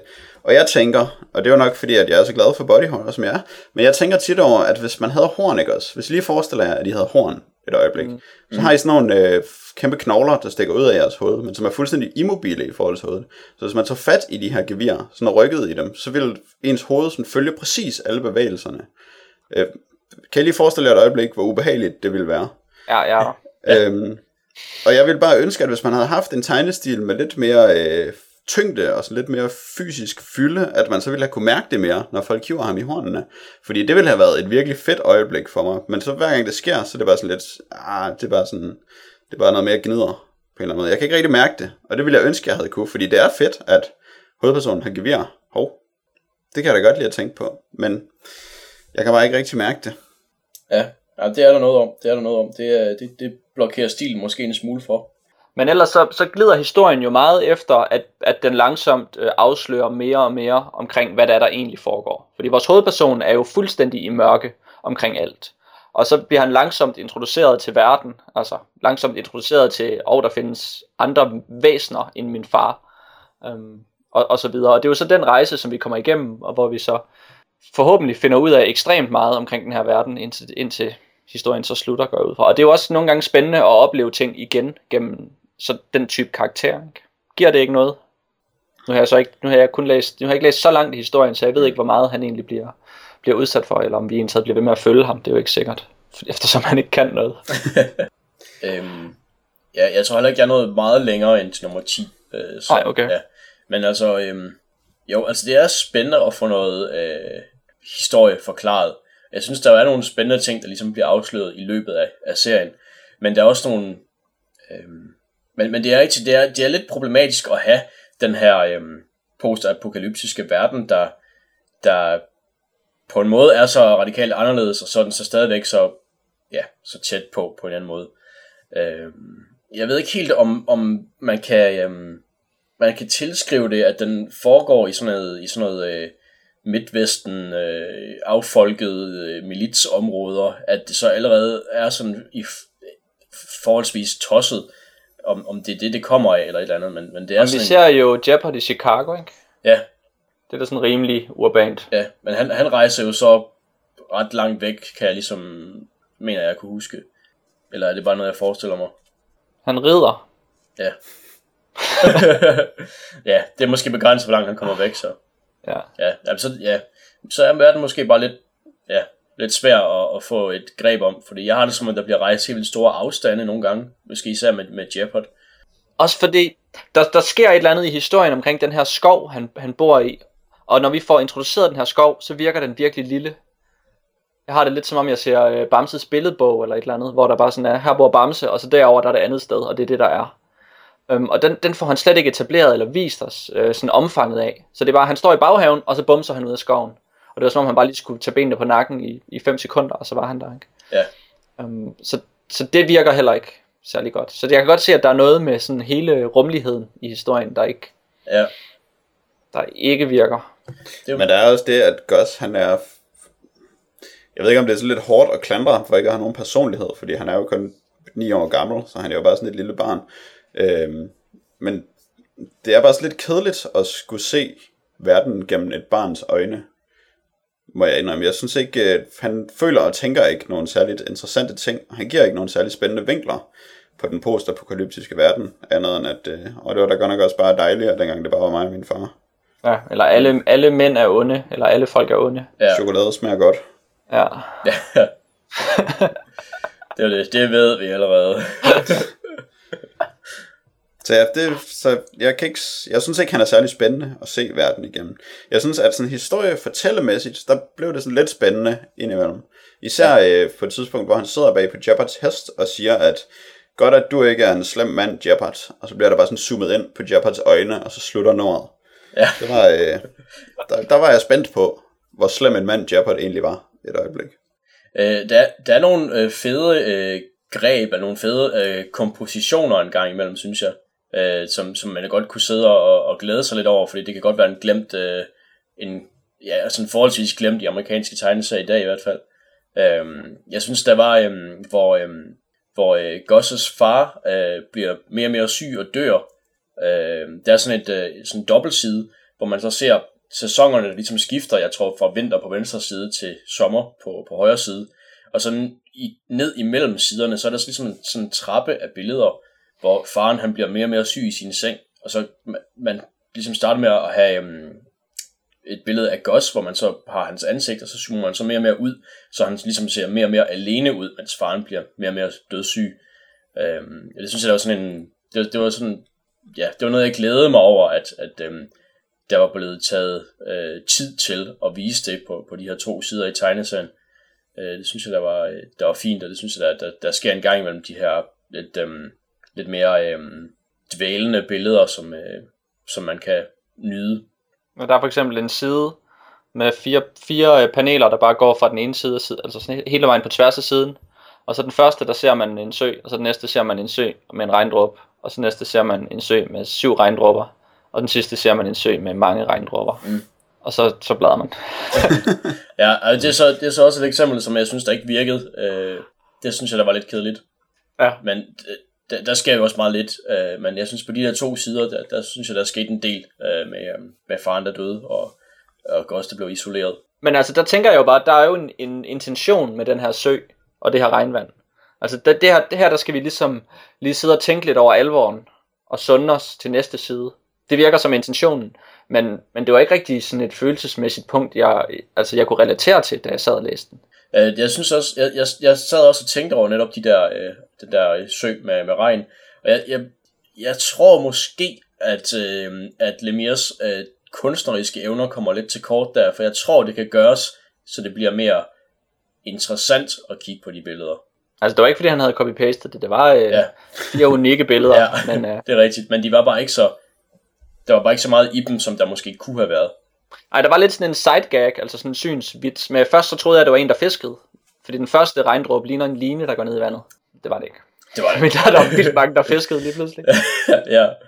Øh, men det er også, det er også sådan, ja, som, som Jack han siger, øh, med, øh, med, med kunsten og med, øh, ja, eller illustrationer, eller hvad man kan kalde det. Der, der er noget, øh, der er noget der, som der, der nogle gange ikke helt virker, synes jeg. Men det er, også, det er også ret meget arbejde for en person at lave sådan noget, er det ikke? Jo, altså, men der er, der er en del folk, der kan gøre det. Øh, og jeg synes, øh, ja, det slog mig, øh, at der var en ret stor forskel på første nummer og andet nummer. Hvor i generelt første nummer, så tænkte jeg ikke, at nå, der er en masse ting, der ikke virker. Altså, det virkede ret godt for mig. Og så i andet nummer, så er der nogle sekvenser, hvor, hvor billederne er... Øh, altså, hvor jeg synes, ej, det ser altså lidt grimt ud, det der. For eksempel, der er Jeopard, der sigter og skyder. Og så er der, der er sådan et billede, hvor han ligesom har det ene øje lukket, og det andet åbent for at sigte og skyde. Og det ser, altså, det ser mega dumt ud. Fordi der, der, er, ikke, der er ingen... Øh, han har den der rynkede pande, og han sådan lidt store næse, og øh, så i stedet for at have begge øjne åbne, så er det ene bare lukket, som om han kan, som, altså øjenlåget bare faldet ned, altså der er ikke nogen muskler, der arbejder i ansigtet. og det, det synes jeg, det, det, det var ikke så flot. Der skulle have været en svedperle. Ja, ja. Fordi tungen stikker ud af munden eller et eller andet. ja. øh, men men øh, der, der synes jeg, at øh, nu har jeg så læst Jeff Lemire's øh, The Underwater Welder fra 2012. Øh, og der synes jeg, at han er kommet meget langt. Øh, det er også en, han både har tegnet og skrevet selv. Der er han, der er han kommet meget langt, eller der han fundet, man kan sige, i de ting, han er god til, øh, som han så kan altså arbejde videre med. Så det, der er sådan, det er lidt interessant, at der er sådan en, en øh, hvad hedder det, man kan se sådan en udvikling. Øh, det er selvfølgelig en skam, at, at det så er grimt i starten. Mm. Men øh, ja. Hvor meget havde han egentlig lavet før? Han lavede Sweet Tooth. Jeg tror faktisk, han også har lavet et par serier før. Øh, der er et eller andet... Åh, et eller andet med X. Nej, Beowulf. Øh, han har lavet et eller andet, der hedder Beowulf. Og så har han lavet... Øh, jo, Essex County. Øh, som hvis også skulle være ret øh, vel modtaget. Ja, okay. Og øh, ja, det er, ikke, det er ikke de ting, han har lavet før det. Det er faktisk ikke noget, jeg har læst mig endnu. Men han kan ikke bruge det som undskyldning, at han er nybegynder. Nej, altså, det... Nej, det, det, det synes jeg ikke. Jeg synes, det er, der er nogle ting, der er sådan lige i underkanten i starten af Sweet Tooth. Så det lyder på jer som om, at I ikke har tænkt jer at læse alle 40 afsnit. Det er ret Eller- hurtigt læst. Det er en fordel. Det er det godt nok. Det, det synes jeg også er utrolig lækkert, det der med, med meget store billeder. ja, Så der er god plads. ja. Så kan man bladre mere. Ja, Der er bare det. ikke for meget tekst. Der er ikke særlig mange, der går rundt og forklarer ting. For eksempel Jeopards øh, baggrundshistorie med hans kone, der er ikke sådan... Der bliver ikke forklaret vildt meget. Der bliver forklaret lidt mere, end der gør resten af tiden, men når man tænker på, hvor meget... Hvor mange tankebobler John Byrne han ville have haft, hvis han skulle fortælle den historie, for eksempel. Mm. Ja, Så er det rimelig lækkert, det her. Fordi og det fungerer bare godt, når man holder igen med teksten. Der er for meget tekst i de fleste tegneserier. ja, eller på de forkerte tidspunkter i hvert fald. ja. Der, er må- der er måske noget, noget strukturelt, man kan kommentere med, når man har en, en, en der både tegner og, og skriver det. Så har han Ja. ikke brug for at være til stede som forfatter hele tiden. Ja, mm-hmm. det tror jeg, der er sandt nok. Så får man en bedre balance. Ja. I stedet for den der, på en eller anden måde, så er der jo en form for kamp om at være mest til stede, eller dominere sanserne. Der er i hvert fald en bekymring for, at den anden ikke kan finde ud af at fortælle det, der skal fortælles. Ja, Eller det er jo så forfatteren, der ikke stoler på, at tegneren kan fortælle det, der skal fortælles. ja, Og måske synes han selv er lidt vigtigere. Og det er forfatteren, der er første trin, ikke? ja. Det er det nu om dagen. Ja. Jeg forestiller mig, at du lige væltede din kaffekande der, Jack. Godt. Væltede den lige ned i laserpistolen. Laser Jack. Laser, stråle, laser, strålemand. Strålemands oprindelse. Rayman Origins skal vi tale om nu. Perfekt segway. ja, Det er et øh, platformspil, som er udgivet i 2011 øh, og de efterfølgende år til øh, alt, hvad der kan kravle og gå af platforme. Øh, men det er altså et platformspil. øhm, det er øh, udviklet af Ubisoft Montpellier øh, med Michel Ancel i, øh, i spidsen, som du også fik nævnt i starten af afsnittet. Det var også ham, der opfandt Rayman, og han har lavet Beyond Good and Evil, og udover det, så har han kun lavet Rayman-spil hele sit liv. Øh, det her er et platformspil, og historien starter jo helt tilbage i begyndelsen, hvor der var The Lums, som er, øh, som er rene energivæsener, som skaber Prolocus, som vi kender som The Bubble Dreamer, som er øh, en form for gud. Og han skaber så The Glade of Dreams, hvor øh, han er rimelig ensom, så derfor så øh, skaber han nogle feer, som vi også møder her i serien, blandt andet øh, Betilla, som bliver øh, vigtig lige om et øjeblik. Øh, og så skaber han forskellige andre væsener, øh, for eksempel Teensies og Globox. Han bruger øh, sin humoristiske sans til at skabe Globox med. Øh, og han får øh, skabt en verden med væsener og så videre, og så er der styr på det, men han har ikke øh, opfundet tiden endnu. Så da han går i gang med det, så er han nødt til at øh, falde virkelig meget i søvn for at mødes med nogle andre guder, så de ligesom kan blive enige om, hvordan man laver tiden. Øh, men før han lægger sig til at sove, så skaber han fire masker, som når man øh, fører dem sammen igen, så kan man vække på Locus, hvis der er problemer i verden. Øh, og så placerer han dem øh, i fire forskellige steder, og øh, laver nogle vogtere til at beskytte dem. Øh, og så er der kun et væsen, som kan få fat i de her masker, og det er Rayman. og det praktiske er så, at øh, Betilla, som er den første og vigtigste af fæerne, øh, hun skaber Rayman. Hun væver øh, månestrålerne fra det andet sommersolværv til at blive til Rayman, som hun øh, laver, så han kan skabe balance i verden. Men det kan han overhovedet ikke finde ud af, fordi han er rebelsk og punk og øh, laver mest bare ballade. Men da Razorbeard og hans robopirat her angriber øh, i Rayman 2, så bliver han nødt til at samle de her masker, som er det, han ligesom er udvalgt til. Øh, og så får han lidt mere en, øh, en helterolle og kommer mere ind på dydens smalle sti. Øh, han er dog stadig en downlace, så i starten af Rayman Origins, som er det, vi har spillet, øh, der ligger ham og hans øh, venner, Globox og The Teensies, og øh, en af færerne ligger og sover i øh, snorketræet, øh, fordi det gør de bare, men de gør det meget øh, rytmisk funky. Øh, men de snorker så højt, mens de ligger og sover, at en, øh, der er en cranky granny, øh, som kan høre dem igennem det her træ, de ligger og sover i, fordi hun er nemlig nede i The Land of the Living Dead, øh, som er døde mennesker, der er sure. Og hun bliver så rigtig sur over, at hun kan høre, de snorker. Og det hjælper ikke noget, når hun banker på træet, fordi de snorker bare videre. Så hun beslutter sig for at tage en masse Dark Tunes og Cyclops og øh, sin mands afpillede kranie og kaste efter dem. Og så kaster hun alt det der fra The Land of the Living Dead op i The Glade of Dreams, øh, hvor den anden ende af snorketræet er, som et andet Yggdrasil. Øh, og det kaster så hele verden ud i kaos. Og øh, The Bubble Dreamer, Polokus, han bliver så øh, sindssyg af det her, øh, og alle bliver taget til fange, inklusiv ham på en eller anden måde. Men Rayman øh, bryder ud af sit bur og vækker The Bubble Dreamer og finder ud af, at hvis han bare kan finde øh, Electoons nok, som er det, som The Bubble Dreamers drømme er lavet af, så øh, kan The Bubble Dreamer holde op med at være sindssyg og lave, øh, og så kan han få ordnet verden. Så han skal ud og finde de her Electoons, og så løber han ellers fra den ene ende af banen til den anden. Wow. Det må jeg sgu nok sige, Jack. Jeg er virkelig glad for, at vi har dig, Jack, til at forklare, hvad det er, jeg ikke forstår ved de her spil og sådan noget. Ja, også fordi at jeg sådan selv, så, så for eksempel hvis man ser andre folks anmeldelser af det her spil, så siger de, ja, det er sådan et platformspil, der er ikke rigtig noget historie, der, de larmer bare, og så kommer monsterne op, og så skal man tæske dem, det er sådan lidt plat. Der kan man jo så, hvis man lytter til DDKH podcast, høre, at det er sgu ikke, uh, Det er ikke bare det. der er ikke sparet på historien Nej. her. Min in, uh, introduktion til spillet, det var jo så at se den her ordløse intro, hvor der er sådan en masse folk, der sådan ligger og sover, og så er der så nogen, der vågner og begynder at kaste ting rundt og begynder at skrige. Og til sidst så skriger alle bare. og, og jeg er virkelig glad for, at jeg kunne få en forklaring på det, fordi jeg forstår ikke, hvad der skete. Men så det der så skete, Dan, bagefter, det var, at du gik i gang med at spille 2D at its finest, side-scrolling platformer at its best. Var det, øh, var du, øh, hvis jeg nu sagde, at det var, en, at det var det bedste platformspil, ville du så sige, at det kan da egentlig godt være? Hmm, jeg tror, jeg har spillet nogen, der er bedre.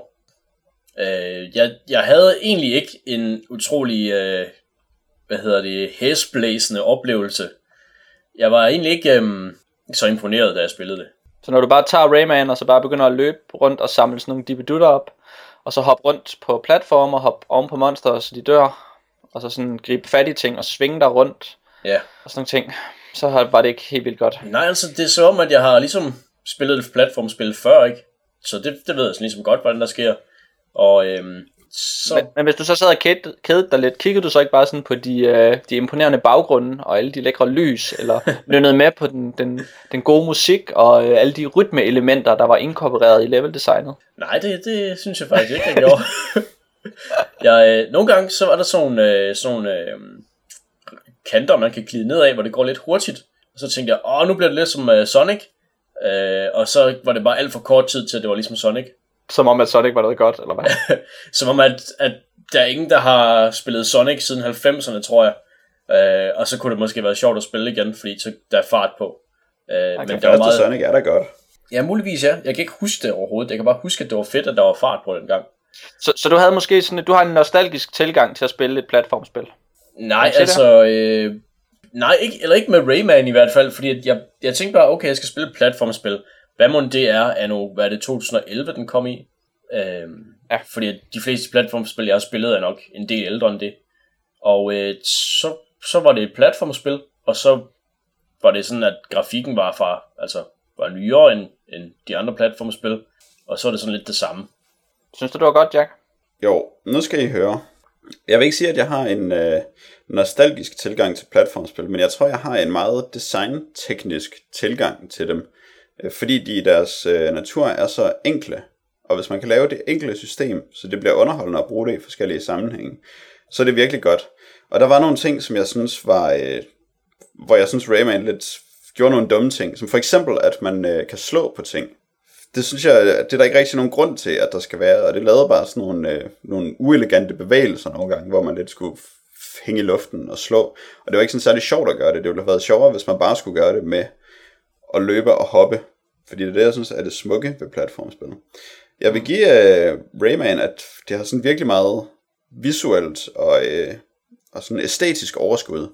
Det er virkelig flot at se på, og der er hele tiden uh, skøre ting, og de rytmiske elementer, synes jeg, er rigtig fede, især da man kommer til den anden verden, eller hvad man skal kalde det, så man bevæger sig igennem didgeridoo-verdenen, hvor man øh, skal hoppe på sådan nogle trommer, og så laver man en slags musik. Det synes jeg, øh, det, det gav lidt sådan en god følelse i kroppen, men jeg synes også, at der er en tendens til, at det hele er noget meget, meget tilfældigt råd, som jeg ikke kan se.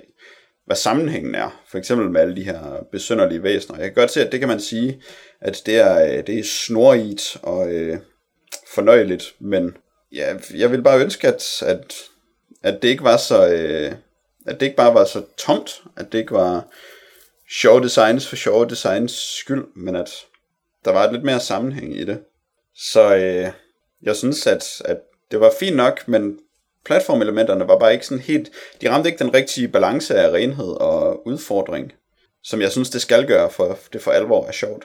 Og jeg kan ikke... Øh, de visuelle elementer var til tider løjerlige, men også meget af tiden sådan... Så, så var de der bare, og, og var der sådan lidt for meget for at være der, og gøre opmærksom på sig selv, og sige, hey, se hvor skøre vi ser ud.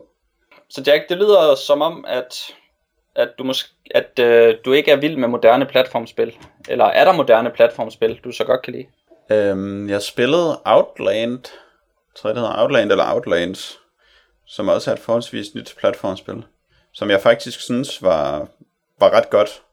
Øh, det var sådan lidt, det var ikke helt så øh, kulørt og forstyrret, som Rayman er. Øh, man brugte sine farver lidt bedre, og øh, havde mere rytmik sådan hele spillet igennem, og en mere ensartet oplevelse. Det synes jeg faktisk var ret, det var ret spændende at spille.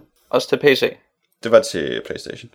Ja, okay. Fordi jeg, altså, jeg er også ret enig i, at der er nogle, at der er nogle problemer. Jeg synes, at der, hvor, hvor det hoppede af for mig, det var måske mere, at der ikke var noget, der hed liv, og der var de her checkpoints, som gjorde, at man hele tiden startede tilbage på banen. Um, og så at jeg var meget forvirret omkring, hvorvidt det handlede om at samle alle de her dibedutter, de her, øh, hvad du kaldte de der gule ting. Det er lums. Lums. Og blåbærne med hestehalerne er øh, electoons. Dem skal du også samle. Ja. Jamen, det er lomsene, der bliver til electoons, når man tager den store lom. Nej, så bliver de bare overophedet eller sådan noget. Nå, så er det sådan nogle super loms. Ja. Electoonsene er dem, som du finder i burene. Okay, godt nok. Øhm, men problemet er, at man skal gå rundt og samle de her ting, og hvis man ikke går efter at samle dem, så er spillet utrolig let. Så skal man bare gå igennem banen. Og det er jo ikke en udfordring. Men, men hvis man skal prøve at samle alle sammen, eller samle nok til at få nok elektrons... Tunes. Tunes. det vil sige, hvis, typisk hvis man får over 350 loms, så får man alle elektronsene i banen. Som virker som om, at det er det, der er målsætning. Um, eller hvis man får 300, så får man to, eller hvis man får 150, så får man en. Jeg mener det sådan. Um... Ej, man kan kun få to af dem ved at øh, samle de der samle de der point, så på den tredje, så får man sådan en guldmedalje for at have samlet flest lommes. Men så er der tre forskellige buer i de fleste baner, øh, som man så kan få en elektron for at finde hver af de buer i hemmelige rum. Og så den sidste elektron, man kan få seks elektrons i hver bane, den kan man få ved at gennemføre den på et bestemt stykke tid. Og, og jeg forestiller mig, at det er vigtigt for spillet at samle de her elektrons, at det på et tidspunkt sætter en begrænsning for, om jeg kan komme videre i spillet, at jeg ikke har samlet nok. Ja, det afskærer dig i hvert fald fra noget indhold. Fordi der er nogle, øh, nogle ekstra baner i verdenerne, som du kun kan få, når du har samlet nok elektrons. Dem får man jo så som regel i løbet af spillet, men man kunne komme til dem før.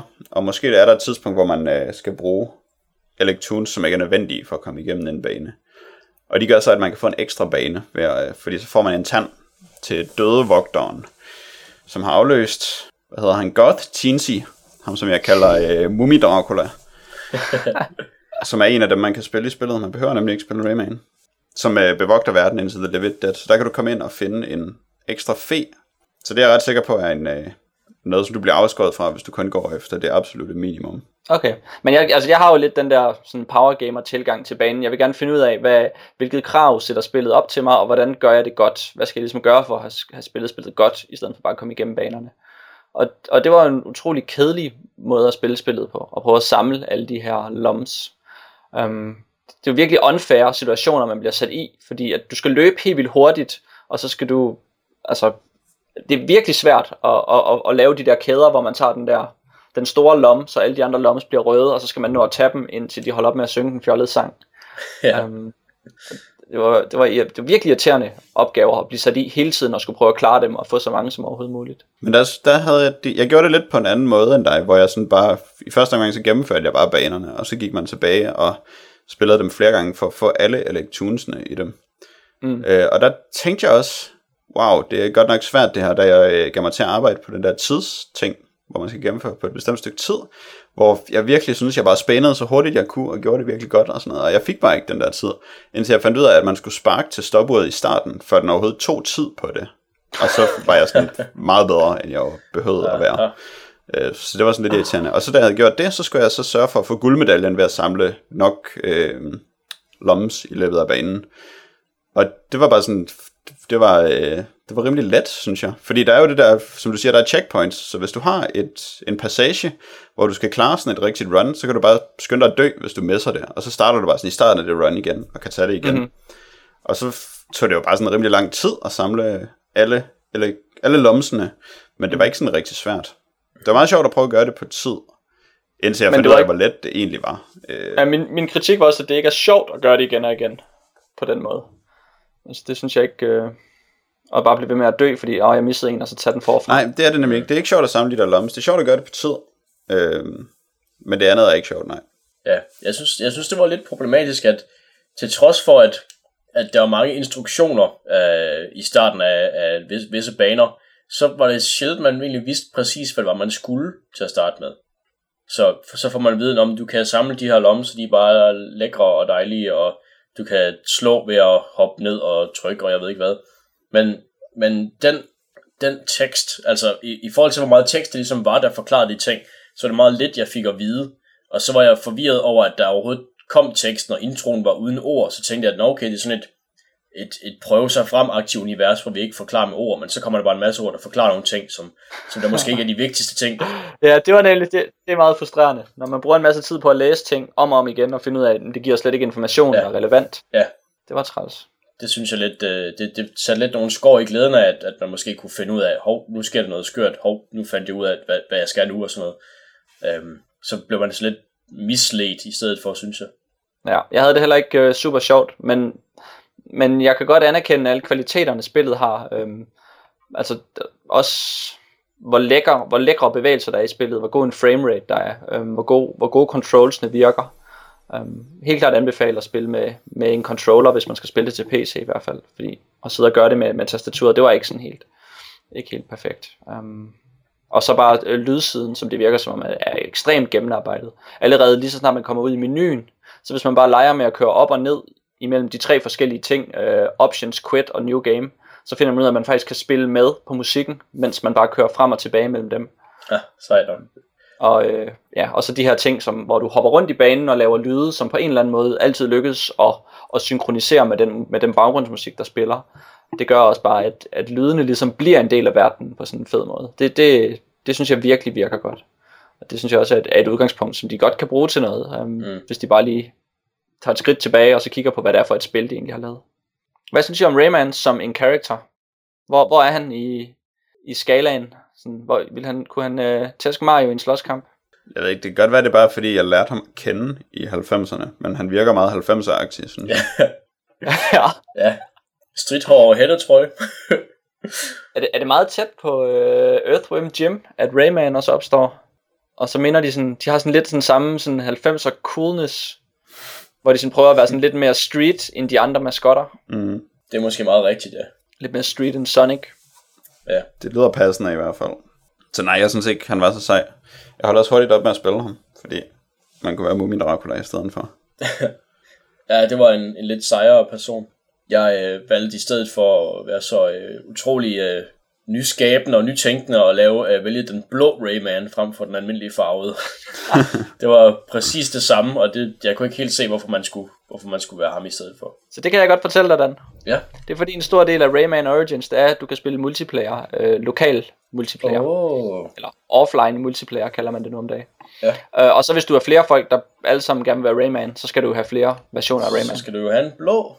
Du må, det må du gå ud fra, at alle vil være Rayman. Det må, det må vi gå ud fra, ja. Hvis man konkluderer, at folk ikke gider det, så skal man nok lave et andet spil.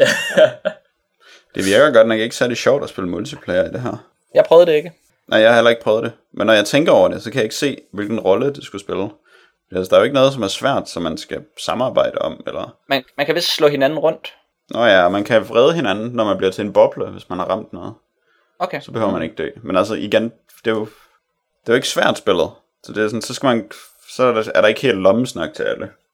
Det er det eneste, jeg kan se, man får ud af at spille Måske med. man kan lave sådan en combo, hvor man kan dø, og så kan man svæve op som boble, og så kan ens medspiller hoppe hen på en og bruge en til at komme op og nå noget.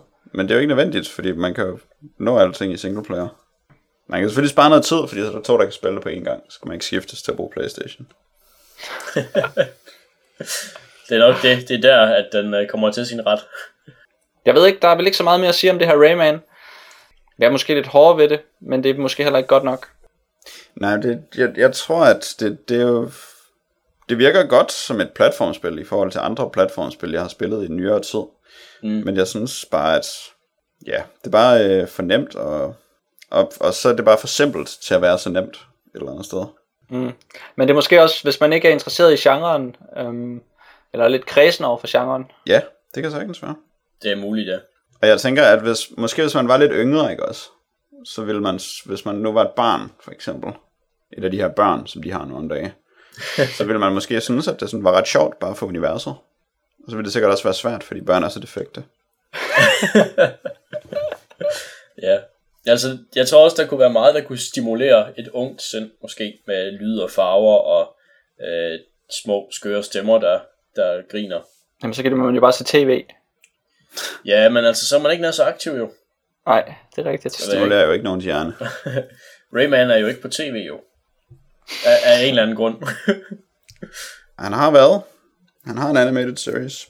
Så det, øh, han kunne være på dit tv, den. ja, ja, jeg vil gøre alt, hvad jeg kan for at få ham tilbage. Jeg, jeg våger at påstå, at vi har talt nok om King Kong. Ja, Udtømt emnet nærmest. det kan jeg vist kun være enig i. Godt, men øh, det var jo faktisk det, vi havde at tale om. Så, så er det jo bare at tale lidt om, øh, om småtterierne nu. Har vi noget lytterpost, Jack? Ja, det har vi, men det er hemmelig lytterpost. Oh. Eller vi skal i hvert fald ikke afsløre for meget om det. Vi har nemlig allerede fået de første bud på øh, vores extravaganza, øh, som vi laver til afsnit 75, hvor alle kan få lov til at være redaktør for en dag, hvor Yes. alle og enhver kan være lige ind fra gaden, og så kan de finde på et tema og finde tre emner til det tema. Hvis man har hørt nogle af vores podcasts, så ved man jo, hvordan det fungerer. Man, behøver, man ved også, at øh, sådan definitionen på et tema, den kan strækkes rimelig langt. Vi har måske forsøgt at, at eksekvere det så sent som i dag. Ja, Måske. lad os, sige, lad os sige, at det hænger sammen, ja.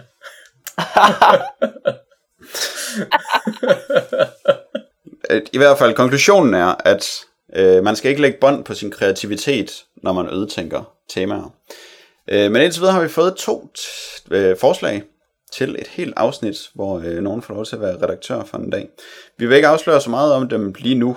Øh, først når vi er klar til at træffe en endelig beslutning om, hvem det er, der vinder et af de her sådan, overdådige DDK-podcast Kaffekrus. Øh, men indtil videre har vi fået et bud fra Christian Bavnvi, hvor han foreslår temaet tyveri og en øh, perlerække af fremragende emner derom.